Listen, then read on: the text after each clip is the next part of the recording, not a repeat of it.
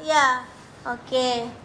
Baik, eh, Bapak Ibu Saudara, tema firman Tuhan eh, bulan ini adalah berjaga-jaga di akhir zaman.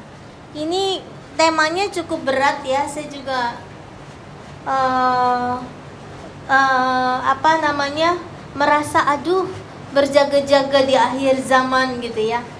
Eh, seolah-olah sebentar lagi Tuhan mau datang, padahal padahal iya gitu. padahal iya mau datang. Dan minggu ini lebih spesifik lagi e, bicara tentang hidup menjauhi daging supaya menjauhi daging berarti kita vegetarian semua ya sekarang ya. hidup menjauhi keinginan daging supaya kita hidup dalam kesucian di hadapan Allah maupun di hadapan manusia. Panjang sekali temanya. Entahlah, begitulah ya Bapak Ibu Saudara. Namanya juga firman Tuhan. Terus kan e, pertanyaannya begini. Kalau firman Tuhannya berat, kalau firman Tuhannya berat, gimana rasanya? Saya males deh beribadah. Rasanya berat deh untuk dengar firman Tuhan se uh, sedalam ini begitu ya. Sekarang saya bilang begini, sometimes kita yang sudah jadi orang tua, sometimes kita yang sudah jadi orang tua harus paksa anak kita makan sayur kan? Mereka suka nggak? Enggak. Tapi kita harus pak paksa. Kenapa? Buat kese buat kesehatan pun halnya kita sebagai anak rasanya aduh kok dipaksa-paksa nih gitu saat ini kita nggak ngerti tapi ternyata eh, sayuran merupakan makanan yang baik buat kita jadi pada saat kita udah dewasa baru kita mengerti jangan sampai sudah tua baru kita menyadari pentingnya sayuran dan sudah terlambat, sudah banyak sakitnya dari ujung kepala hingga ujung kaki gitu. Baik Bapak Ibu Saudara, firman Tuhan diambil dari Zefanya 1 ayat Zefanya 1 ayat 4 sampai 7. Ayo, kitab Zefanya ada di mana? Kalau bawa handphone enak ya, tinggal ketik Zefanya. Oke. Dan rata-rata semua pakai handphone. Zefanya pasal 1 ayat 4 sampai 7. Ya, Zefanya ini laki-laki ya.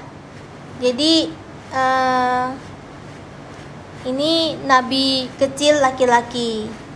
Ya, bukan nabi perempuan Zefanya. Tapi memang kayak perempuan Fanya gitu ya tapi ini uh, ini nabi laki-laki Bapak Ibu Saudara. Uh, judul perikopnya penghukuman pada hari Tuhan. Alamak ja ini temanya ya. Oke, kita baca aja ayat 4. Aku akan mengacungkan tanganku terhadap Yehuda dan terhadap segenap penduduk Yerusalem. Aku akan melenyapkan dari tempat ini sisa-sisa Baal dan nama para imam berhala. Juga mereka yang sujud menyembah di atas soto kepada tentara langit dan mereka yang menyembah dengan bersumpah setia kepada Tuhan namun di samping itu bersumpah demi dewa Milkom serta mereka yang berbalik daripada Tuhan yang tidak mencari Tuhan dan tidak menanyakan petunjuknya Berdiam dirilah di hadapan Tuhan Allah, sebab hari Tuhan sudah dekat. Sungguh, Tuhan telah menyediakan perjamuan korban dan telah menguduskan para undangannya. Amin. Nah, jadi ini firman Tuhannya lumayan serem ya malam hari ini. Hari Tuhan. Tuh hari Tuhan sudah sangat dekat kata Alkitab. Nah, kita lihat di ayat yang ketujuh, Pak E. Ayat 7 Pak E. Berdiam dirilah di hadapan Tuhan Allah Sebab sebab apa? Hari Tuhan sudah dekat. Sungguh Tuhan telah menyediakan perjamuan korban dan telah menguduskan para undangannya. Gini. Di sini firman Tuhan bilang berdiam diri di hadapan Tuhan Allah. Kenapa? Sebab hari Tuhan sudah dekat. Tanda-tanda hari Tuhan sudah dekat itu apa? Satu di situ. Sungguh Tuhan telah menyediakan perjamuan korban. Telah menguduskan para undangannya. Hari Tuhan sudah dekat. Jadi tanda-tanda hari Tuhan sudah dekat itu apa sih? Kayak sekarang ini. Sekarang ini apa? Coba supaya jelas kita buka Alkitab kita di eh, 2 Timotius 3. Hari ini saya agak kayak orang pintar ya, buka banyak ayat. Padahal nggak pintar. 2 Timotius 3 1 sampai 4.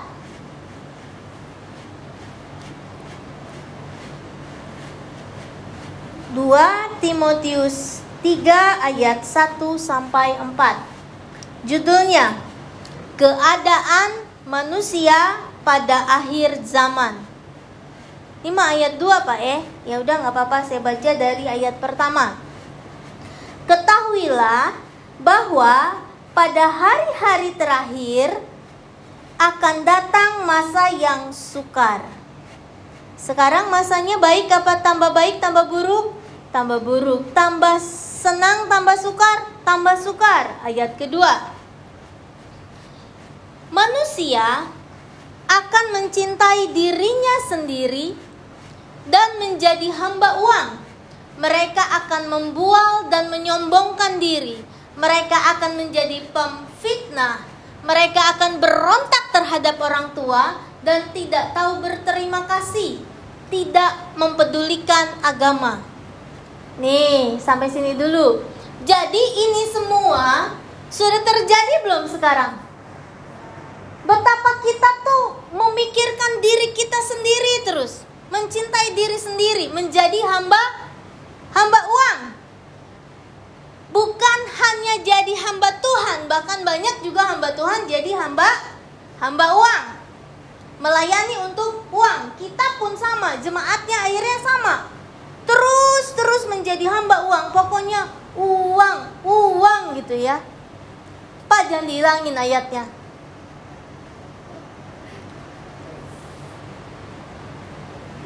terus di situ dibilang mereka akan membual dan menyombongkan diri sekarang ini semua orang ada pada posisi pamer tahu nggak sih pamer memperlihatkan show up apa yang mereka punya, apa yang mereka sudah miliki, apa yang mereka sudah capai. Di gereja ada nggak kayak gitu? Ada. Ada loh. Yang nyanyi suaranya paling kenceng sendiri supaya orang lain tahu suara dia bagus. Ada loh yang main musik nih satu teamwork tapi drum aja yang paling kenceng. Jebak, jebuk, jebak, jebuk, jebak, jebuk gitu. Dia main drum sambil dia melambungkan dirinya. Tapi Pastor John enggak ya. Klarifikasi nih.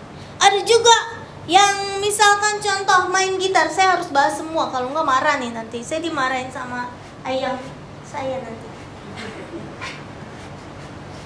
Yang main gitar juga sama. Apalagi kalau Regi yang main semua diinjek. Sampai ke belakang gitu diinjek.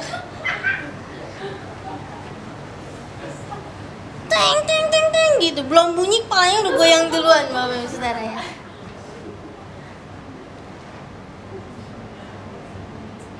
ada gitu bukan cuma di dunia kerja bukan teman kerja aja bukan tetangga bukan hanya sahabat bahkan di gereja pun ada orang yang menyombongkan diri sudah banyak mereka jadi pemfitnah berontak terhadap orang tua Siapa yang tidak pernah berontak terhadap orang tua angkat kaki?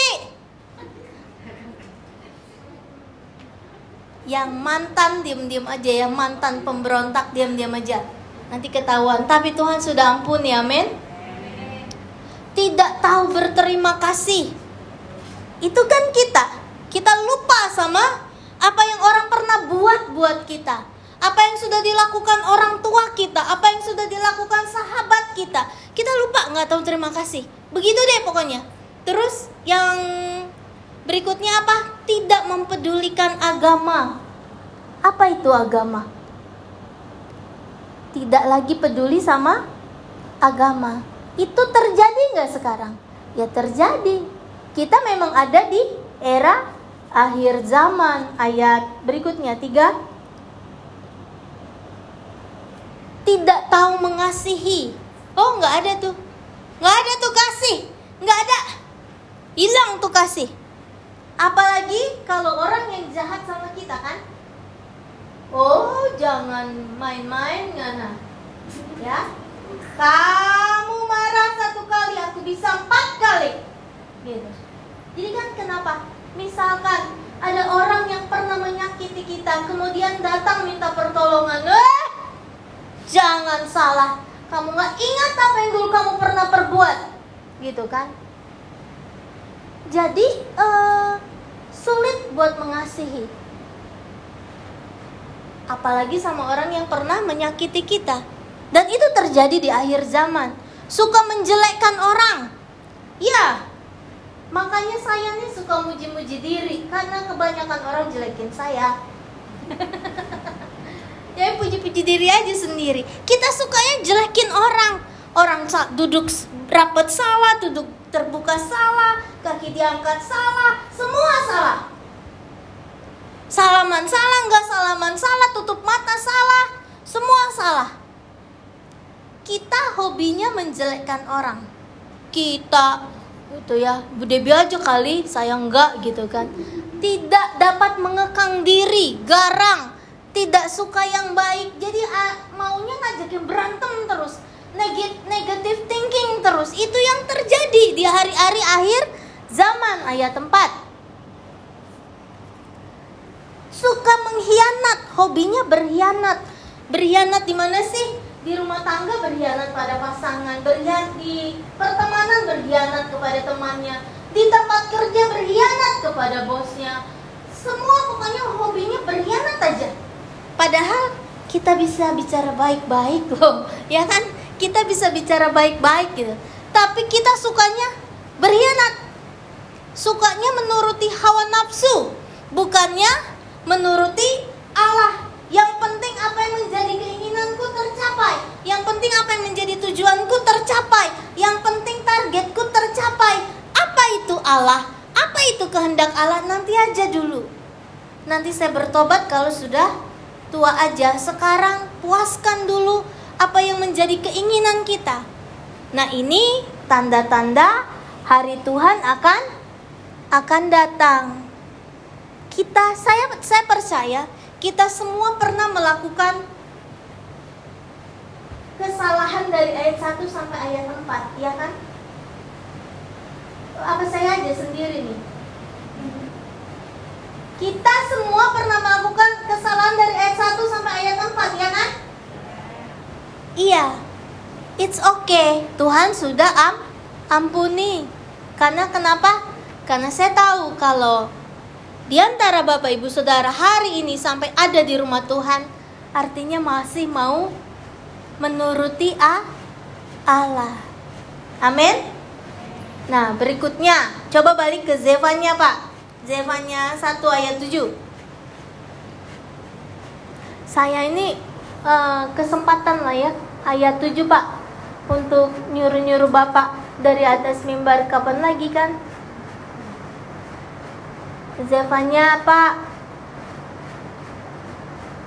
Ayat 7 pak Ya Sebab hari Tuhan sudah dekat Berikutnya apa? Sungguh Tuhan telah menyediakan perjamuan perjamuan korban. Ayo, apa itu perjamuan korban? Apa itu perjamuan korban? Ada perjamuan kudus ya. Perjamuan korban itu apa? Kita lihat di ayat keempat.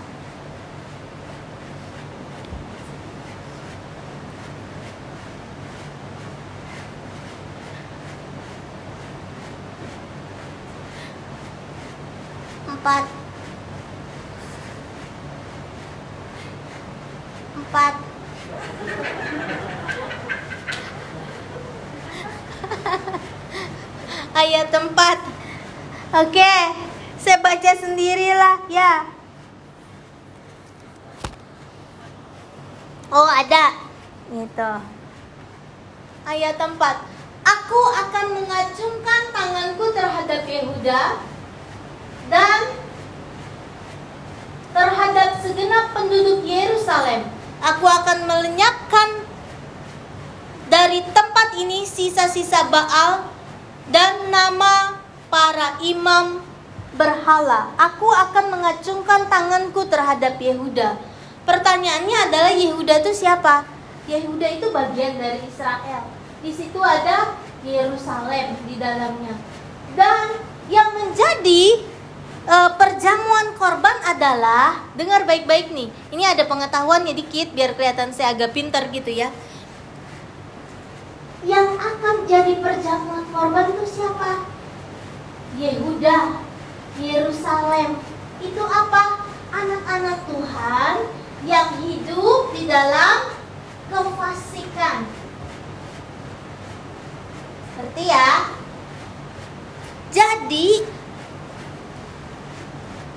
yang menjadi uh, perjamuan korban adalah anak-anak Tuhan yang hidup tidak sesuai dengan firman firman Tuhan.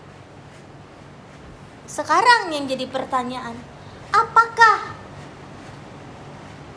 sedikit atau banyak anak-anak Tuhan yang mulai hidup melenceng dari firman? Makin banyak, makin sedikit. Gak ada yang berani jawab.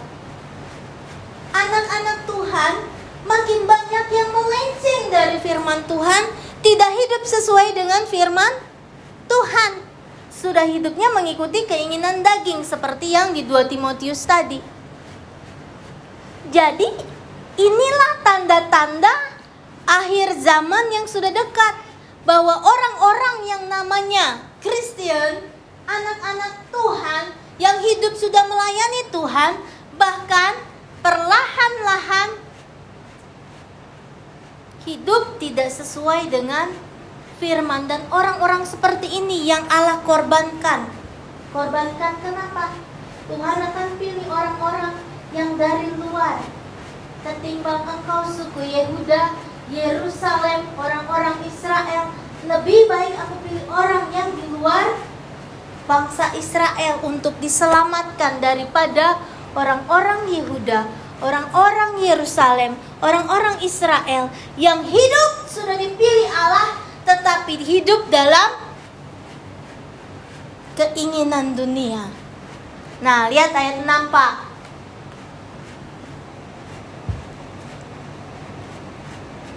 Artinya ini orang-orang yang murtad. Gini, ayat 6 dibilang apa? Serta mereka yang berbalik dari Tuhan. Artinya apa? Berbalik dari Tuhan. Tadinya ikut Tuhan, akhirnya pindah. Gitu. Tadinya setia kepada Tuhan, akhirnya tidak. Gitu. Yang tidak mencari Tuhan dan tidak menanyakan petunjuknya. Mungkin ada di antara Bapak Ibu Saudara yang bilang, "Oh, saya masih setia beribadah. Hari Sabtu, hari Minggu, hari Kamis, ibadah yud saya ikut walaupun saya udah tua." Itu Om Ivan ya. Saya tidak berbalik dari Tuhan, saya ikut Tuhan terus. Semua ibadah, Komsel Indonesia saya ikut, Komsel Malaysia juga saya ikut. Sekali lagi itu Om Ivan. Saya di situ dibilang tidak mencari Tuhan. Oh, jangan salah. Bahkan kata Om Ivan gini, bahkan hari Senin saya ada di gereja vacuum Hari Selasa saya ada di gereja bersihin toilet. Emang ini kerjaannya Om Ivan yang begitu mengasihi rumah Tuhan. Ada katanya gitu. Mencari Tuhan. Sekarang kita koreksi diri lah masing-masing. Saya ini masih melekat sama Tuhan apa enggak sih? Kita koreksi diri kita. Kita ini masih cari Tuhan apa enggak sih dalam kehidupan kita? Atau kita sudah mencari yang lain, fokusnya sudah kepada yang lain? Oh enggak lah, saya masih oke-oke aja. Tapi yang terakhir nih, yang penting juga, dan yang tidak menanyakan petunjuknya.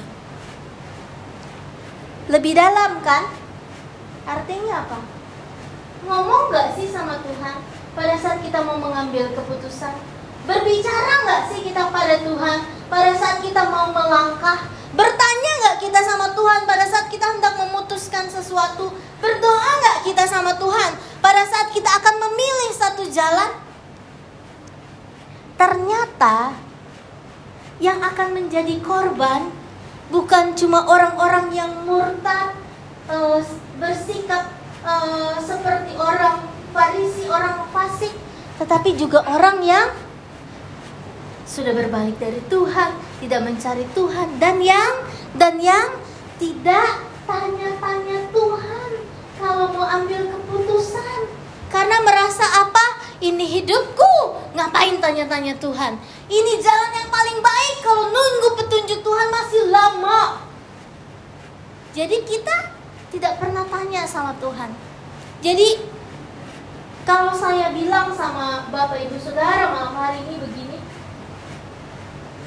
kadang-kadang kalau saya terima berkat aja, dapat uang nih saya 200 dolar. Saya harus tanya sama Tuhan, Tuhan 200 dolar ini buat apa ya? Buat saya apain ya? Buat saya bayar uh, elektrisi? Atau saya buat traktir orang? Atau saya buat jajanin? atau buat saya saving? Kok ngapain sih kamu ribet banget gitu aja tanya? Kenapa? Karena ini dari dari Tuhan. Tuhan, hari ini saya mau antar anak saya lewat uh, Olympic Avenue atau lewat Houston Street ya. Sometimes kita harus tanya sama Tuhan, kenapa? Ternyata pada saat lewat Houston lagi ada kecelakaan Oh, ternyata Tuhan suruh ambil Olympic Avenue untuk antar ke sekolah anak. Itu loh, minta petunjuk apalagi buat hal-hal yang besar. Yang besar itu apa? Tuhan, ini dari Tuhan apa enggak ya tulang rusuk saya ini? Jeng jeng jeng jeng zoom kan? Zoom in zoom out. Tuhan, ini pekerjaan dari Tuhan apa bukan ya? Tanya sama Tuhan. Tuhan, ini saya mm, mendidik anak dengan cara begini, betul apa enggak ya? Kadang-kadang kan mama tuh, mami jadi seorang ibu kalau mau marah tuh rasanya gak boleh tahan. Minggir semua, harus saya marah. Tapi harus tanya Tuhan, ini anak salah, harus dimarahin. Saya panggil, ajak ngomong, apa saya berdoa dulu, apa saya topang tangan, topang kaki sekalian dengan kencang, gitu ya. Harus minta petunjuk dulu. Dan orang yang tidak pernah minta petunjuk sama Tuhan itu termasuk orang yang akan masuk dalam orang-orang yang tidak akan menjadi perjamuan korban. Jadi bega, be, jadi begini, betapa pentingnya kita harus hidup kudus dan benar di hadapan Tuhan. Karena hal sekecil ini pun ternyata menjadi uh, perhatiannya Tuhan. Bukan hal-hal yang besar gitu harus kudus haleluya puji Tuhan. Enggak ternyata hal-hal kecil. Komunikasi aja penting. Bapak Ibu Saudara ngerti nggak sih saya ngomong kenapa saya seru sendiri ya ini loh mama saya ngomongnya mama terus karena saya seorang mama ya walaupun kelihatannya saya seperti seorang papa so, seorang ibu apa sih yang pengen diinginkan oleh seorang ibu? Anaknya bicara, bicara. Kamu perlu apa? Bicara. Kamu buat kesalahan apa? Bicara. Gitu kan, mama-mama? Oh enggak bisa lu biarin aja anak saya mencuri mau apa mau lakuin yang salah biar aja lah urusan dia gitu kan nggak gitu kita pengen ketika uh, dia ambil gelas di tempat yang tinggi, kemudian dia naik ke atas kursi, terus jadi jatuh kacanya, gelasnya pecah, kita akan bilang apa? Kok nggak bilang sih? Kok nggak nanya sih? Kan gitu.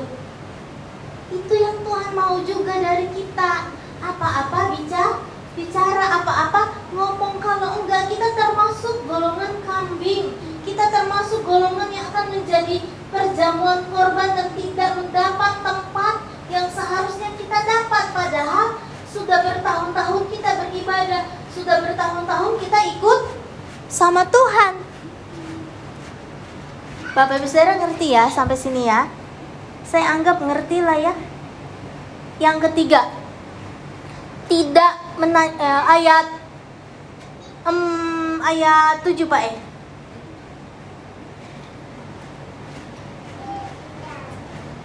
Dan telah menguduskan para undangannya. Ah, ini saya suka. Dan telah menguduskan para undangannya. Undangannya itu siapa? Gini loh, tadinya keselamatan itu hanya untuk bangsa Israel. Hanya untuk orang Israel, tetapi karena kasih karunia setelah Yesus turun, itu Injil menyebar ke arah Asia dan sekitarnya sehingga kita yang bukan Israel, bukan keturunan Israel, menjadi Israel-Israel rohani. Sampai sini paham ya? Mengerti ya? Kita yang harusnya tidak selamat mendapat anugerah menjadi orang yang diselamatkan telah menguduskan para undangannya.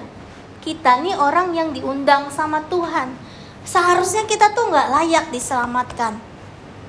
Saya sedih kalau ngomong begini. Seharusnya tuh kita nggak layak diselamatkan Tuhan. Seharusnya kita nggak layak terima berkat dari Tuhan. Seharusnya kita nggak layak. Tetapi karena Tuhan undang kita kita ini dipanggil sama Tuhan supaya jadi umatnya menguduskan para undangannya. Kita nih orang-orang yang diundang Tuhan secara khusus untuk terima keselamatan. Kenapa? Karena orang-orang yang sudah dipilih, bangsa yang dipilih yaitu bangsa Israel.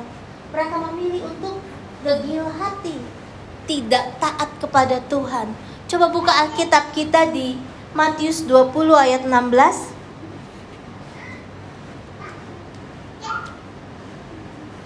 Matius 20 ayat 16 ini loh.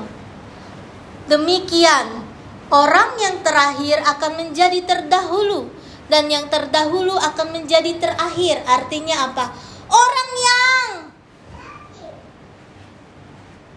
tadinya pertama kali ikut Tuhan, kemudian dia murtad, kemudian dia meninggalkan Tuhan, kemudian dia tidak mencari petunjuknya Tuhan, maka orang yang datang terakhir ke rumah Tuhan, ke hadapan Tuhan dan bilang, Aku orang berdosa tapi aku mau bertobat. Aku orang yang tidak layak tapi aku mau ikut Tuhan. Aku orang yang penuh dosa tapi aku sekarang mau jalan masuk melayani Tuhan. Ini yang Tuhan bilang undangan dikuduskan.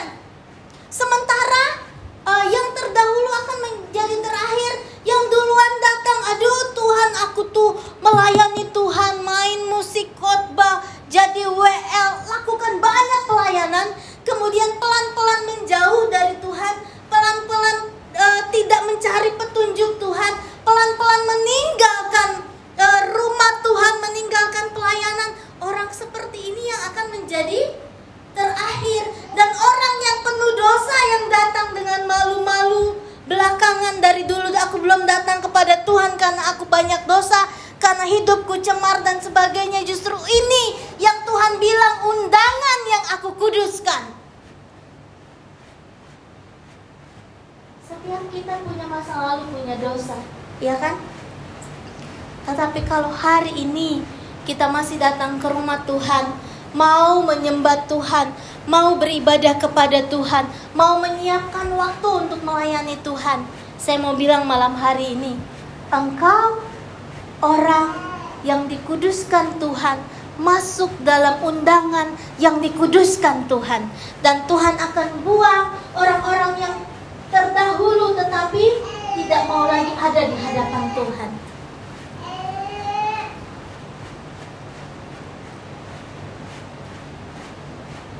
Kerasnya firman Tuhan malam hari ini, tetapi saya harus sampaikan. Poin yang terakhir, Zefanya ayat 7 lagi Pak E. Di situ dibilang berdiam dirilah di hadapan Tuhan. So, saya sekarang hari ini nggak tahu ya, Bapak Ibu Saudara, Apakah termasuk orang yang sudah sekian lama beribadah dan masih terus beribadah? Atau termasuk golongan yang sudah setia beribadah dan sekarang berpikir untuk mundur, tetapi engkau masih ada di gereja Tuhan dan ibadah online? Artinya apa? Engkau masih undangannya Tuhan yang akan dikuduskan. Entah engkau yang baru mau datang lagi sama Tuhan setelah sekian lama menjauh dari Tuhan. Malam hari ini saya mau bilang, engkau undangan yang dikuduskan Tuhan.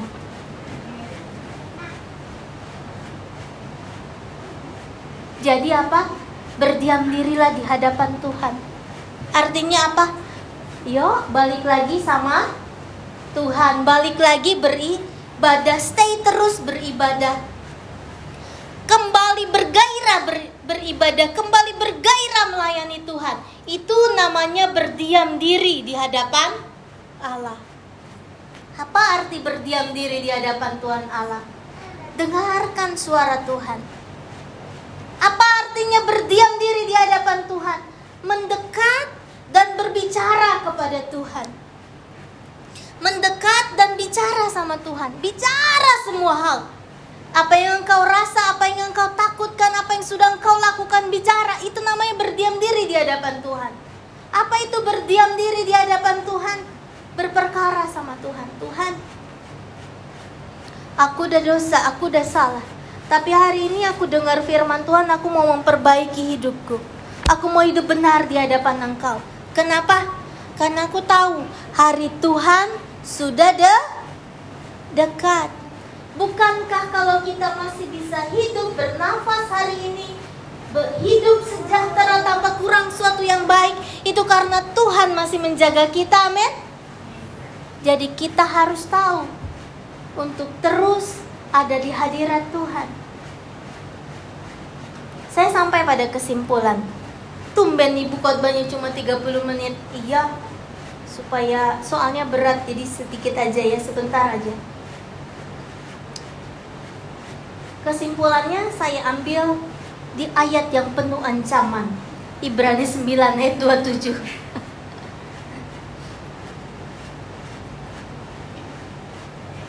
Ibrani 9 ayat 27. Ini ayat ancaman. Ya. Bukan ancaman ya, memang ada di Alkitab lah, ya. Gitu. Dan sama seperti manusia ditetapkan untuk mati hanya satu kali saja. Sesudah itu dihakimi. Bukannya mati satu kali kemudian happy-happy, enggak. Dihakimi. Artinya apa? Entah engkau ada di dalam Tuhan atau tidak, entah engkau sepupu kita, uh, entah engkau anak uh, Tuhan, orang Kristen atau bukan, ketika engkau habis nyawanya, engkau akan dihakimi. Kok dihakimi? Bukan kita udah diselamatkan. Ya, tetap akan diperhitungkan apa yang sudah diperbuat baik atau salah, benar atau keliru. Akan tetap ada catatannya. Dosamu diampuni, tapi Tuhan bilang, oh kamu dulu begini, begini, begini, begini, begini, begini, begini, begini ya. Oke. Tetapi yang perlu digarisbawahi malam hari, tetapi begini Yesus itu hakim. Alkitab bilang Yesus itu hakim. Uh, supaya Bapak Ibu Saudara uh, yakin yang saya ngomong gak salah, kita buka kisah Rasul 10. Katanya mau selesai Bu, ya ternyata harus nambah, maaf. Kisah Rasul 10 ayat uh, 42. Pak, tolong Pak, kisah Rasul 10 ayat 42.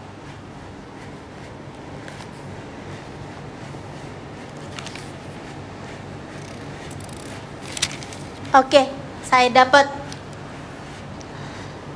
Kisah Rasul 10 ayat 42. Dan ia telah menugaskan kami memberitakan kepada seluruh bangsa dan bersaksi bahwa dialah yang ditentukan Allah menjadi hakim atas orang-orang hidup dan orang-orang mati.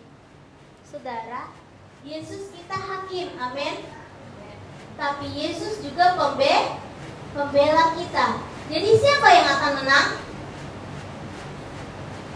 Kita dong, orang-orang yang percaya sama Tuhan. Saudara paham gak nih? Diulang ya. Yesus itu hakim.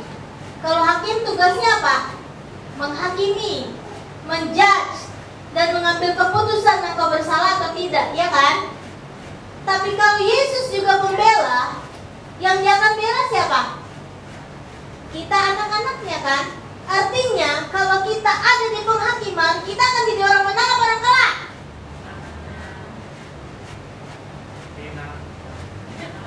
Diulang. Yesus hakim, Yesus pembela. Kalau kita mati dan menghadapi penghakiman Allah, kira-kira kita anak-anak Tuhan, saudara dan saya, undangan yang dikuduskan Tuhan akan menang atau kalah? Gitu dong. Yakin menang. Karena itu, stay di rumah Tuhan. Karena itu, diam di hadirat Tuhan berjaga-jaga dalam hidupmu, kembali setia kepada Tuhan, kembali uh, mengasihi Tuhan, kembali cari petunjuk Tuhan, kembali setia melayani Tuhan. Itu yang Tuhan mau. Itu yang Tuhan mau. Karena pada akhirnya kita akan menghadap Tuhan. Tuhan mau kita tetap ada di hadapan Tuhan. Begini Bapak Ibu Saudara. Tuhan Yesus mau datang kapan pun terserah Tuhan. Kita mau menghadap Tuhan dengan naik di awan-awan atau kita dipanggil Tuhan dengan cara menjadi almarhum almarhumah. Doesn't matter. Yang penting kita selamat di dalam Tuhan. Amin. Malam hari ini uh,